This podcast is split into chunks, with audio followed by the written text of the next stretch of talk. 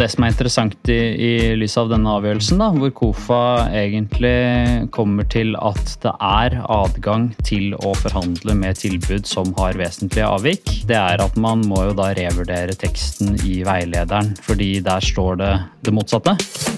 Hei og hjertelig velkommen til en ny episode av Anskaffelsespodden. En podkast fra advokatfirmaet Simonsen Vogtvik, hvor vi tar for oss aktuelle anskaffelsesrettslige tema for å gi deg som lytter en faglig oppdatering innenfor offentlige anskaffelser. Ta med deg podkasten der du er, gjerne ut på tur. Takk for at du lytter til Anskaffelsespodden. Vi håper å gi deg nyttig faglig påfyll på en kort og konsis måte. I denne episoden skal min gode kollega Olav og jeg se litt eh, på hva som har skjedd innenfor anskaffelsesområdet det siste halvåret. Eh, så dette er rett og slett en sommerspesial hvor vi tar for oss eh, det som er verdt å ta med seg fra de siste månedene. Vi skal bl.a. se nærmere på noen eh, interessante avgjørelser fra KOFA og fra domstolene. Vi kommer bl.a. inn på eh, spørsmål om eh, ulovlig direkteanskaffelse ved reduksjon av omfang av kontrakt. Vi skal se litt på når vesentlige avvik kan forhandles bort, eh, eller om oppdragsgiver må avvise. Og så skal vi også se litt på et veldig praktisk tema som går på kvalifikasjonssøknad og frist for å dokumentere oppfyllelse av kvalifikasjonskrav. Første tema som vi skal se på, Olav, det er ulovlig direkteanskaffelse ved reduksjon av omfang av kontrakt. KOFA har jo kommet med en avgjørelse her på en sak som gjelder en del to-anskaffelse, forskriftens del to. Vil du si litt mer om denne saken?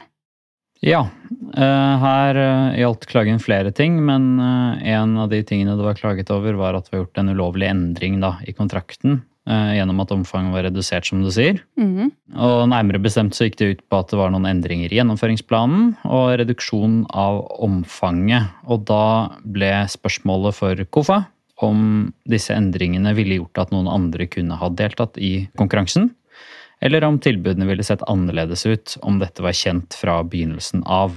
Mm. Um, og det første som gjaldt gjennomføringsplanen, da, uh, den sluttfristen som opprinnelig var en del av konkurransen, den var da forskjøvet med hele ti måneder. Eh, og så kom det i tillegg en politisk beslutning om at kostnadsrammen skulle reduseres. Eh, og det førte da til en endring av reguleringsplanen og en endring av den tilbudte løsningen etter at kontrakt var inngått. Mm. Um, og da uh, pekte KOFA på uh, måte, hva de endringene nærmere bestemt besto i. Da var det reduksjon av areal, det var komprimerte planløsninger, og det var bl.a. redusert bruk av massiv tre da, i forhold til hva som opprinnelig var forespeilet. Og det KOFA gjør da når de skal vurdere om dette er en uh, ulovlig endring av kontrakten, om det kunne fått betydning for konkurransen, det er at de, de, viser til at leverandørenes kapasitet den varierer jo, og den avhenger veldig av hvilket omfang en kontrakt har. Mm. Og etter å ha pekt på det, så fant KOFA det sannsynliggjort at hvis denne endringen hadde vært kjent fra begynnelsen av, så kunne andre tilbyder ha deltatt. Mm. Eller tilbudene kunne vært utformet annerledes, og da var det en vesentlig endring. Mm. Også oppstarten av arbeidene ble vel da utsatt, slik at man fikk mm. senere et senere oppstartstidspunkt. Og da eh, er jo argumentasjonen til KOFA eh, den at eh, ja vel, hvis det hadde vært kjent for de andre leverandørene i markedet, så er det jo sånn at kanskje man hadde hatt kapasitet på det tidspunktet hvor den kontrakten faktisk skulle eh, starte opp. da. Og det, det, er jo selvfølgelig sånn at hvis man får mer tid på seg, så, så, vil det være enklere å kunne få til noe, men også det at det blir forskjøvet, da, sånn at man skal gjøre noe på et annet tidspunkt, vil også kunne få betydning. Ja. Um, men når det gjelder uh, spørsmål om reduksjon av kontrakten, så har kanskje ikke det vært sett så, uh, så strengt på tidligere som f.eks. da en økning av kontraktens omfang. Uh, som er mm. regulert i, i hvert fall i del tre i anskaffelsesforskriften. Mm. Men her var det altså en samlet vurdering av eh, alt sammen som gjorde at man, eh, man, fant at dette var en vesentlig endring. Mm. Så det man som oppdragsgiver må ta med seg fra denne KOFA-avgjørelsen, er jo da at også reduksjon av omfang, utsettelse av oppstart og eh, sluttdato, eh, redusert egentlig kontraktsverdi, det vil også bli underlagt den samme vurderingen da, om, om, endre, om dette utgjør en vesentlig endring. Mm. Vi kan jo gjerne også si at referansen til den saken det er KOFA 2020 658.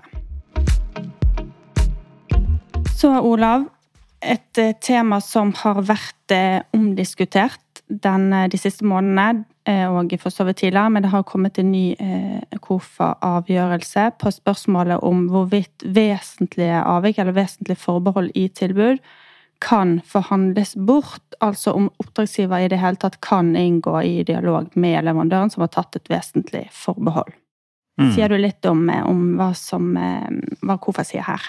Ja, dette er eh, KOFAs eh, sak 2021-2139, eh, og den gjaldt jo da dette omdiskuterte spørsmålet. Skal man avvise et tilbud som har et vesentlig avvik i det opprinnelige tilbudet, altså det første tilbudet man mottar i en konkurranse med forhandling? Eller er det mm. lov å forhandle bort vesentlig avvik, eh, sånn at man kan eh, la være å avvise tilbudet fordi de ikke har avvik på det senere tidspunktet? Mm. Dette har jo vært eh, debattert mye, mm. og det har vært praksis fra EU-domstolen som har blitt tolket av departementet, og i deres veileder så har det vært inntatt et standpunkt om dette, som KOFA også måtte se på. Eh, så har det vært skrevet flere artikler om det også. Mm. I denne saken så var situasjonen sånn at oppdragsgiver hadde avvist en leverandør som hadde et vesentlig avvik. Eh, sånn at spørsmålet blir kanskje litt motsatt av det som man kunne tenkt seg ellers blir tilfellet. Eh, nemlig fordi spørsmålet var om oppdragsgiver da skulle forsøkt å forhandle bort avviket. Mm. Og det, det, er jo egentlig en litt annen problemstilling enn om man har en plikt til å avvise et mm. tilbud som har eh, et avvik. Dette blir vel egentlig et spørsmål om leverandøren har rett til å få sitt tilbud vurdert og rett til å få, eh, få delta i forhandlingene, selv om man har et vesentlig forbehold. Mm, nettopp. Mm. Og, og, det som er interessant i, i lys av denne avgjørelsen, da, hvor KOFA egentlig kommer til at det er adgang til å forhandle med tilbud som har vesentlige avvik, Eh, det er at man må jo da revurdere teksten i veilederen. Eh, fordi der står det det motsatte. Mm. Eh, og det har også vært signalisert fra departementet at dette er noe man vil vurdere da i lys av denne avgjørelsen fra KOFA. Dette, mm. jo, dette er jo som sagt ganske praktisk. Mm, I mange ja. konkurranser så opplever man jo at det er det er flere ting i det opprinnelige tilbudet som kanskje utgjør vesentlig avvik. Mm. Eh, men som man håndterer da under forhandlingene. Ja. Og så kan man jo argumentere for da at så lenge det avviket eh, fjernes etter hvert, mm. så er det ikke noe problem at man ikke avviste den leverandøren. Fordi det er uansett ikke det tilbudet med avvik som til slutt Nei. aksepteres, men det er et mm. tilbud uten det vesentlige avviket, da. Mm. Um, og da er det uh, det er kanskje da en praktisk løsning at man, at man lar det være tillatt å gjøre det på den måten. Eh, fremfor at eh, oppdragsgivere må vegre seg for å, å konstatere avvik for vesentlige, da, i frykt for at man da senere blir møtt med at man hadde en, en avvisningsplikt. Neste tema vi skal innom, Olav, det er avlysning av en kundekonkurranse. Eh, vi har fått en dom fra Hålogaland lagmannsrett Eh, som, eh, hvor Simonsen Fogtvik representerer eh, saksøkte, altså de kommunene som har valgt å avlyse konkurransen. Ja, her er det altså Fauske og Sørfold kommuner som har fått et erstatningskrav fra Perpetum Miljø. Som følge av at en konkurranse hvor Perpetum var tildelt kontrakten, ble avlyst. Eh, og den saken reiser flere spørsmål om avlysning. Eh, mm. Siden konkurransen rent faktisk ble avlyst, eh, så har kommunen påberopt seg at de hadde en avlysningsrett. Og et av spørsmålene der er om det i, i et slikt tilfelle, hvor man velger å avlyse en konkurranse, gjelder et vilkår om at en feil som oppdragsgiver selv har begått, mm. uh, kan ha virket inn på konkurransen. Ja. Dette er jo kjent fra reglene om avlysningsplikt, hvor, uh, det må være en grad av innvirkning for at en feil skal kunne lede til avlysning. Men i en del tilfeller så velger man jo også å avlyse pga. feil som man selv har gjort. Og da er spørsmålet om det også gjelder et vilkår om innvirkning der. Mm. I, dette, I, denne saken så gjaldt feilen helt konkret angivelse av konkurranseform på ulike steder i anskaffelsesdokumentene. Og det lagmannsretten konkluderer med i denne saken, det er at det gjelder et vilkår om innvirkning for at man skal kunne avlyse en konkurranse der man selv påberoper seg egne feil. Mm.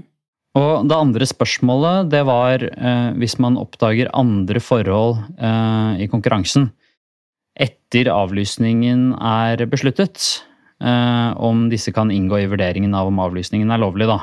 Så hvis mm. man har avlyst en konkurranse, så ser man at i denne konkurransen var det også begått andre feil. Eh, kan det få betydning da, for den vurderingen av om det var saklig grunn til å avlyse konkurransen.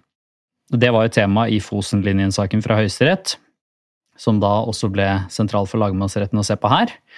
Og det lagmannsretten konkluderer med, det er at bare der hvor det er nær tilknytning mellom de forholdene som påberopes, så kan man trekke de inn i den saklige grunnvurderingen.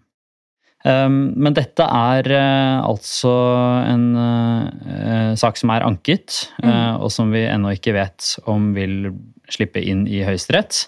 Så den er altså ikke rettskraftig akkurat nå. Um, men det er eh, likevel veldig interessante spørsmål som, eh, som, reises her, og som er eh, nyttige å få avklart for både oppdragsgivere og leverandører. Mm, mm, helt klart. Så har vi en annen dom fra Hålogaland lagmannsrett som også har kommet nå i vår, som gjelder avlysning av konkurranse. Og der var jo, gjaldt det hvor mange leverandører som leverte tilbud i konkurransen. Olav, kan du si noe mer om denne? Ja, der var det også avlysning som var tema, som du sier. Eh, men der var påstanden at eh, oppdragsgiver hadde en avlysningsplikt som ikke var eh, fulgt. Mm. Og oppdragsgiver hadde skrevet i konkurransegrunnlaget det må være minimum to leverandører som faktisk gir tilbud i konkurransen, og også at uten tilfredsstillende markedsgrunnlag avlyses konkurransen. Mm. Så temaet for eh, domstolene det ble rett og slett å ta stilling til rekkevidden av det som var sagt der. Eh, for det som skjedde, det var at det bare var to eller det var to tilbydere som ble kvalifisert, men det var bare én av dem som innga tilbud. Ja. Um, og den ene da, som ikke innga tilbud, Kjøpesenter Nord, uh, de reiste da sak i ettertid og krevde at konkurransen skulle vært avlyst under henvisning til da de formuleringene som oppdragsgiver selv hadde satt inn i konkurransegrunnlaget. Mm. Så spørsmålet var om de formuleringene medførte en avlysningsplikt. Eh, og så påberopte også oppdragsgiver seg at uavhengig av det, så må også de ulovfestede vilkårene for avlysningsplikt være oppfylt. Eh, da lagmannsretten vurderte dette, så, konkluderte de først med at konkurransegrunnlaget var klart. Altså Hvordan disse setningene skulle forstås, var det ikke noe tvil om. Mm. Eh, sånn at det var avlysningsplikt dersom det kom inn færre enn to tilbud. Og at det ville være et brudd på forutberegnelighetsprinsippet da, hvis konkurransen likevel ikke ble avlyst. Mm. Eh, så uttalte også lagmannsretten at når dette da står i konkurransegrunnlaget, så er det heller ikke noe krav om at de ulovfestede vilkårene for avlyttingsplikt må være oppfylt i tillegg. Så da er det jo en sånn generell lærepenge, kan man kanskje si, da, at eh, når man skriver noe i konkurransegrunnlaget, så må man følge det. Det er en ganske sånn enkel og strengt eh, håndhevet eh, huskeregel, egentlig. Ja, dette er jo et, et, veldig godt eksempel eh, på det, som du sier. Og etter forskriften så har jo oppdragsgiver en rett til å avlyse konkurransen hvis man kun får inn ett tilbud, men her hadde oppdragsgiver eksplisitt sagt at hvis ikke vi får to, minimum to, så kommer vi til å avlyse konkurransen. Og da må man også gjennomføre det når det inntrer.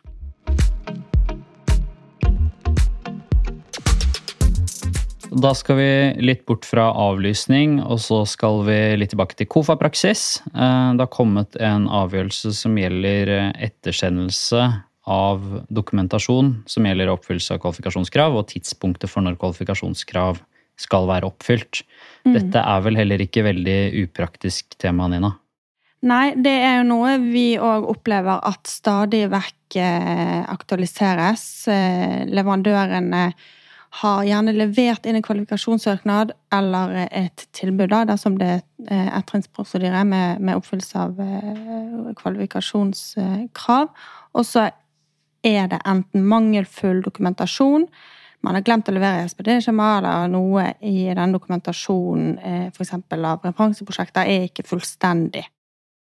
Så da man, sitter man der da, som oppdragsgiver og lurer på hva gjør vi med denne leverandøren. Og eh, det som er å si om det, er jo for så vidt at Og utgangspunktet er jo enkelt. Uh, leverandøren skal oppfylle kvalifikasjonskravene på tidspunkt for kvalifikasjonsfrist. Fristen skal overholdes og praktiseres likt overfor alle leverandørene. Så det er jo et utslag av prinsippene om likebehandling og forutberegnelighet. Dersom en leverandør f.eks. ikke har levert dokumentasjon på at man knytter til seg en underleverandør for oppfyllelse av eh, krav om tilstrekkelig økonomi, f.eks. Altså, I utgangspunktet kan man ikke da komme med det f.eks. tre dager etter fristen gikk ut. Hva var det som var eh, tilfellet da i denne KOFA-saken her, hvor de skulle ta stilling til dette spørsmålet?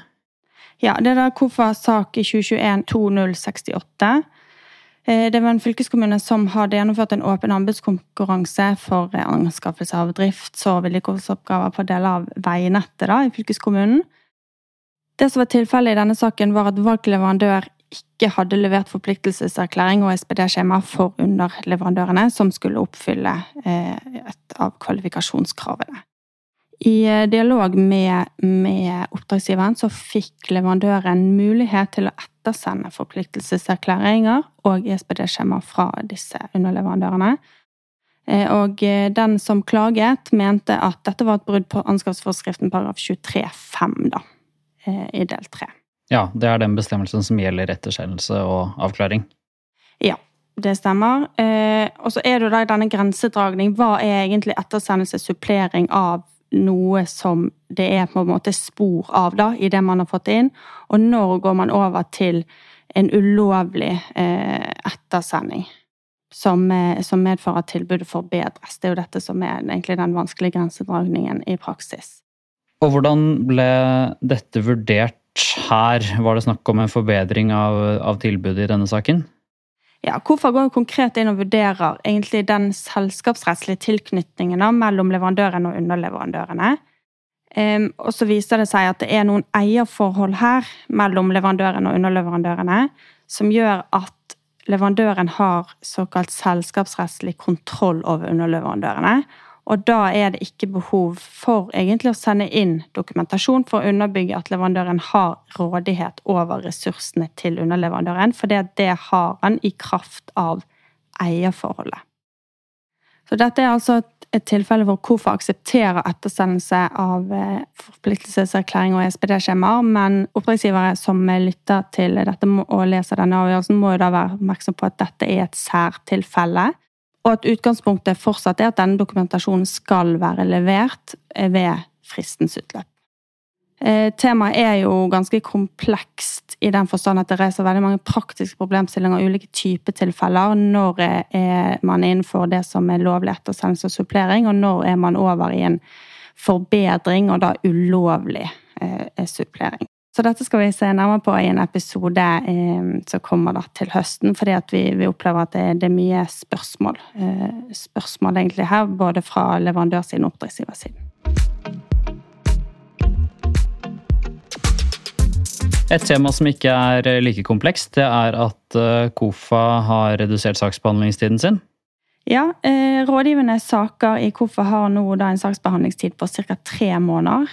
Eh, og prioriterte saker, der er behandlingstiden ca. to måneder eh, fra tidspunktet hvor klagen kom inn. Så her eh, har jo KOFA gjort en, et skikkelig effektivt grep over egentlig lengre tid, som nå viser seg i konkret eh, forkortet saksbehandlingstid. Det er ikke veldig lenge siden den saksbehandlingstiden var på over et år, mener jeg å huske. Mm. Så det er jo en ganske betydelig reduksjon.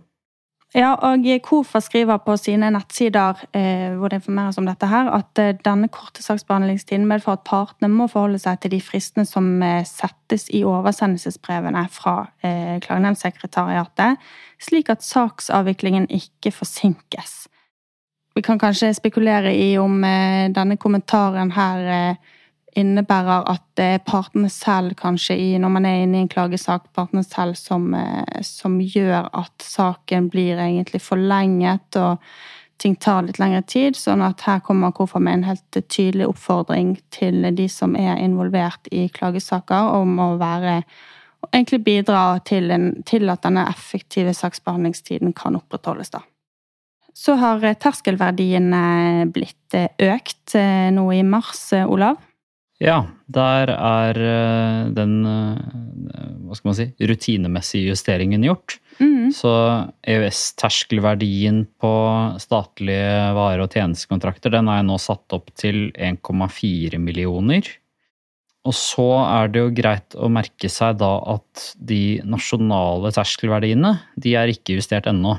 Så når man skal se på terskelverdiene i forskriften, så er det viktig å, huske på det. At det er kun de EØS-terskelverdiene som er justert. Så det har jo den betydningen at eh, for de anskaffelsene som har en verdi på mellom 1,3 og 1,4 millioner, så vil statlige myndigheter ha muligheten til å gjennomføre de anskaffelsene etter del to, da. Hvis man ikke velger å gjennomføre det etter del tre likevel. Mm. Et annet tema som er av anskaffelsesrettslig relevant, selv om det ikke er eh, pur anskaffelsesrett, det gjelder mm. regler om innleie og bemanning, eh, og nærmere da bestemt i Oslo-området. Arbeids- og inkluderingsdepartementet har foreslått endringer i, eh, i regler om innleie eh, og utleie fra bemanningsforetak.